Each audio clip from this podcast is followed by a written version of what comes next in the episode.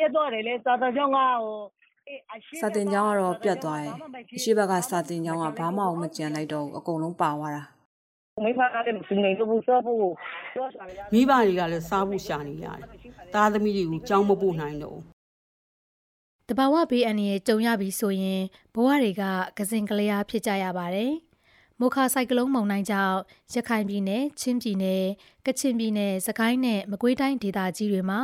လူပေါင်း 1.6တန်းလောက်အရေးတကြီးအကူအညီတွေလိုအပ်နေတယ်လို့ကုလသမဂ္ဂကပြောပါတယ်။ဒီအချိန်မှာအခြေခံကျတဲ့အသက်ရှင်ရည်တည်ရေးကိုဦးစားပေးဖြည့်ရှင်းရတဲ့အခါ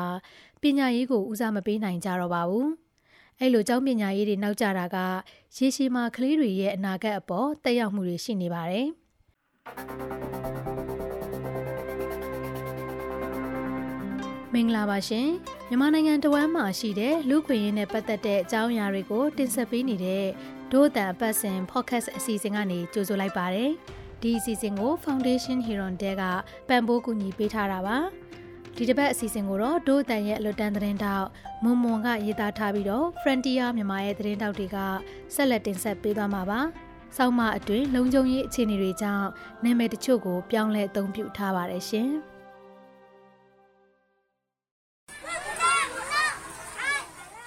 ဖြူနဲ့အစိမ်ဖွဖွေးလှုပ်နေတဲ့အကြောင်းဝတ်စုံနဲ့ကလေးတွေရဲ့ကြောင်းအသွားပြန်မြင်ခွင်ဟာ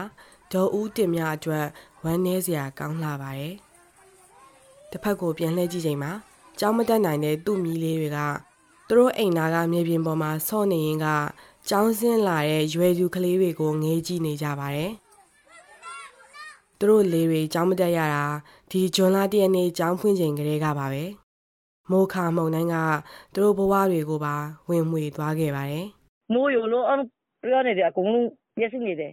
မိုးကလည်းယူနေလေကြောင်းတက်နေတဲ့ကလေးတွေလည်းရှိတယ်ကလေးတွေကတန်းကြောင်းမတက်ရသေးဇဝေဇဝါဖြစ်နေပညာရေးကလည်းအသိအခက်ခဲဖြစ်နေ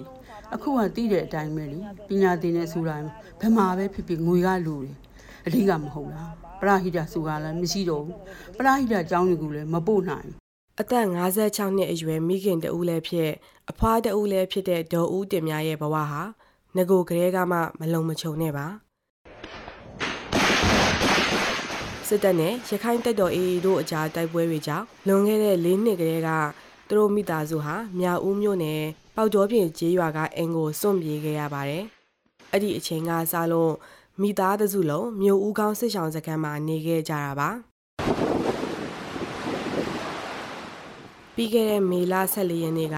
မုန်တိုင်းဟာတနအီကိုလေတိုက်နှုန်း250ကီလိုမီတာထိတိုက်ခတ်ခဲ့ပါတယ်။မုန်တိုင်းနဲ့သူတို့တဲတွေတစားစီပြက်စီးပြိုလဲသွားရပါတယ်။အခုတော့ဒေါ်ဦးတင်မြဟာသူညီမမိသားစုက3ယောက်သူသမီး2ယောက်တမတ်1ယောက်မိ2ယောက်စုစုပေါင်း10ယောက်တို့နဲ့အတူယာယီတဲလေးထဲမှာအတူနေနေရတာပါ။သူတို့စားဝတ်နေရေးကိုတော့အသေးအတန်ရုန်းကန်နေရလို့ကလေးတွေရဲ့ကြောင်းကြိုပိုးစရိတ်တွေ ကျောင်းသုံးပစ္စည်းတွေအတွက်အကုန်ကြခံပြီးကျောင်းမပို့နိုင်ကြတော့ပါဘူးငါကြောက်ရှိတဲ့နေရာကိုတော့မစဲတဲ့တိမဝင်နေတော့ဘူးမိဖကလည်းကျောင်းရှိတဲ့နေရာကိုတွားမယ်ဆိုရင်စပိန်ကမဝယ်နိုင်ဘူး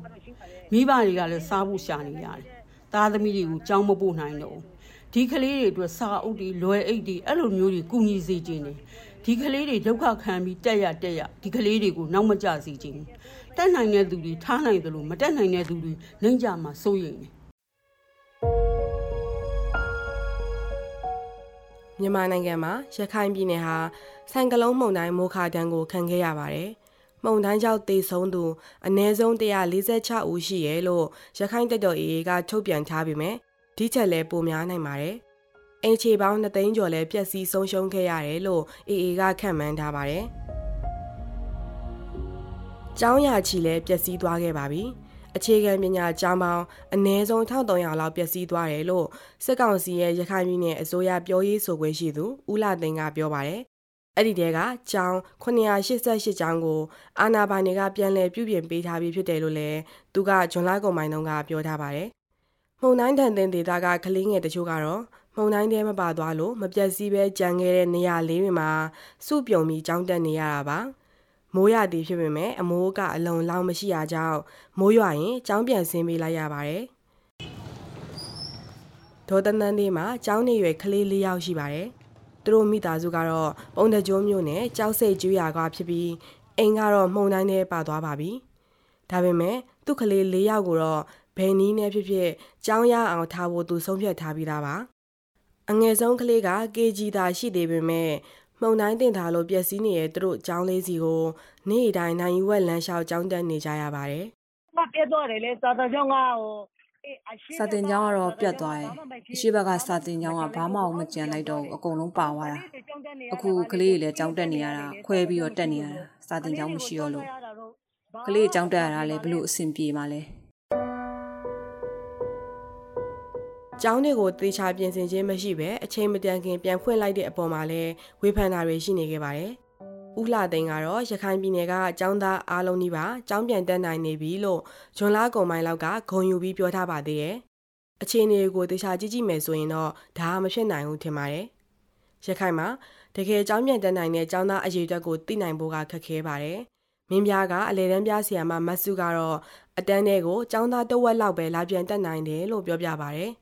ဒီလိုအပြက်စီအခက်ခဲတွေကြောင့်ကလေးတွေရဲ့သင်ကြားရေးထိခိုက်မှာကိုလည်းသူမစိုးရိမ်နေပါတယ်။အွန်လိုင်းကြောင့်အိမ်တွေကဟိုအိမ်တွေပြည့်စည်သွားတာမျိုးတွေရှိတဲ့ခါကျတော့ဟိုပေါ့ကျောင်းသား100လောက်ဆိုလို့ရှိရင်90လောက်ပဲကျောင်းရောက်တာမျိုးတွေလည်းရှိပါတယ်ရှင်ကလေးတွေမှာ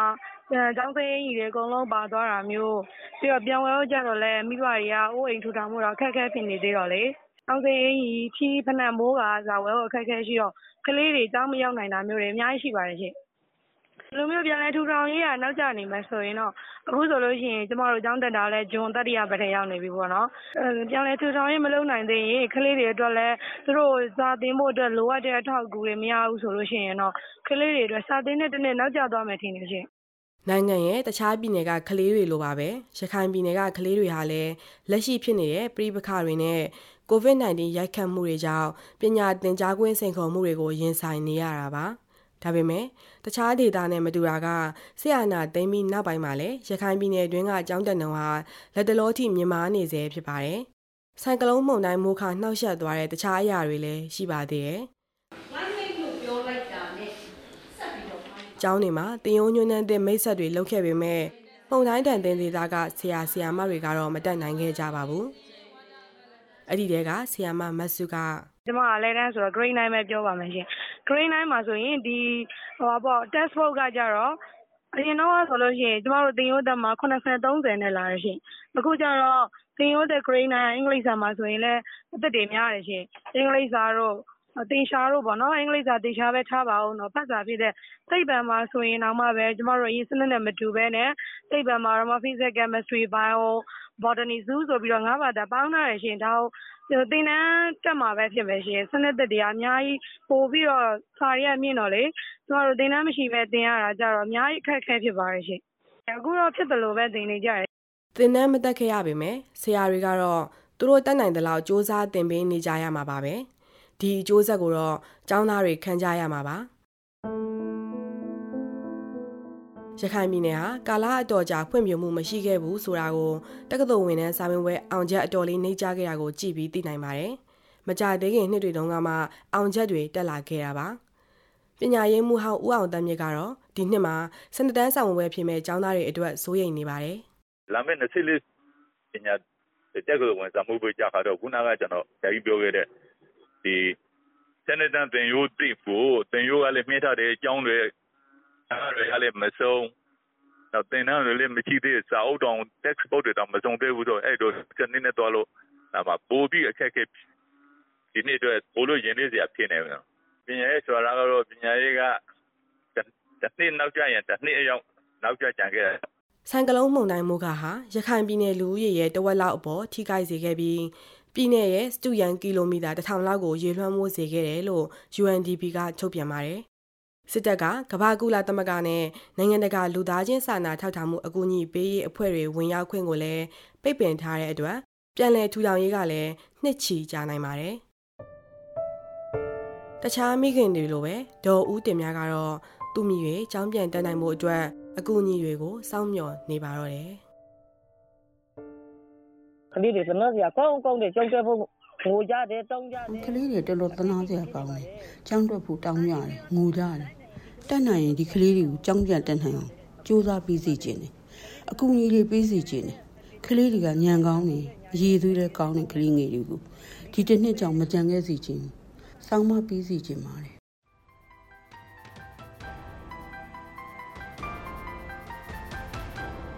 အခုတင်ဆက်ပေးခဲ့တဲ့အစီအစဉ်ကိုနားဆင်ကြရလို့ကျင်းနေမယ်လို့ဒိုးတန်ဖွဲ့သားတွေကမျှော်လင့်ပါတယ်။ဒိုးတန်တန်လွှင့်အစီအစဉ်ကို Frontier မြန်မာရဲ့ website နဲ့ Facebook စာမျက်နှာတွေအပြင်ဒိုးတန်ရဲ့ Facebook စာမျက်နှာ SoundCloud YouTube iTunes တို့ကနေလည်းဝင်ရောက်နားဆင်နိုင်မှာဖြစ်တယ်လို့ VOA ကထုတ်လွှင့်တဲ့ရေဒီယိုအစီအစဉ်မှာလည်းစနေနေ့ည9:00နာရီကနေ10:00နာရီတွင်းနဲ့တင်းနှင်းကနေနေ့မနက်6:00နာရီကနေ9:00နာရီတွင်းမှာလည်းနားဆင်နိုင်ပါတယ်။ ဒီအစီအစဉ်ကိုအလူရှင်တွေကဗတ်မှုကူညီထားပြီး Frontier မြန်မာနဲ့ Foundation Heron Dero ကပူးပေါင်းတင်ဆက်တာဖြစ်ပါတယ်။ဒို့အတန်အစီအစဉ်ကိုနားဆင်ပေးတဲ့အတွက်ကျေးဇူးတင်ပါတယ်ရှင်။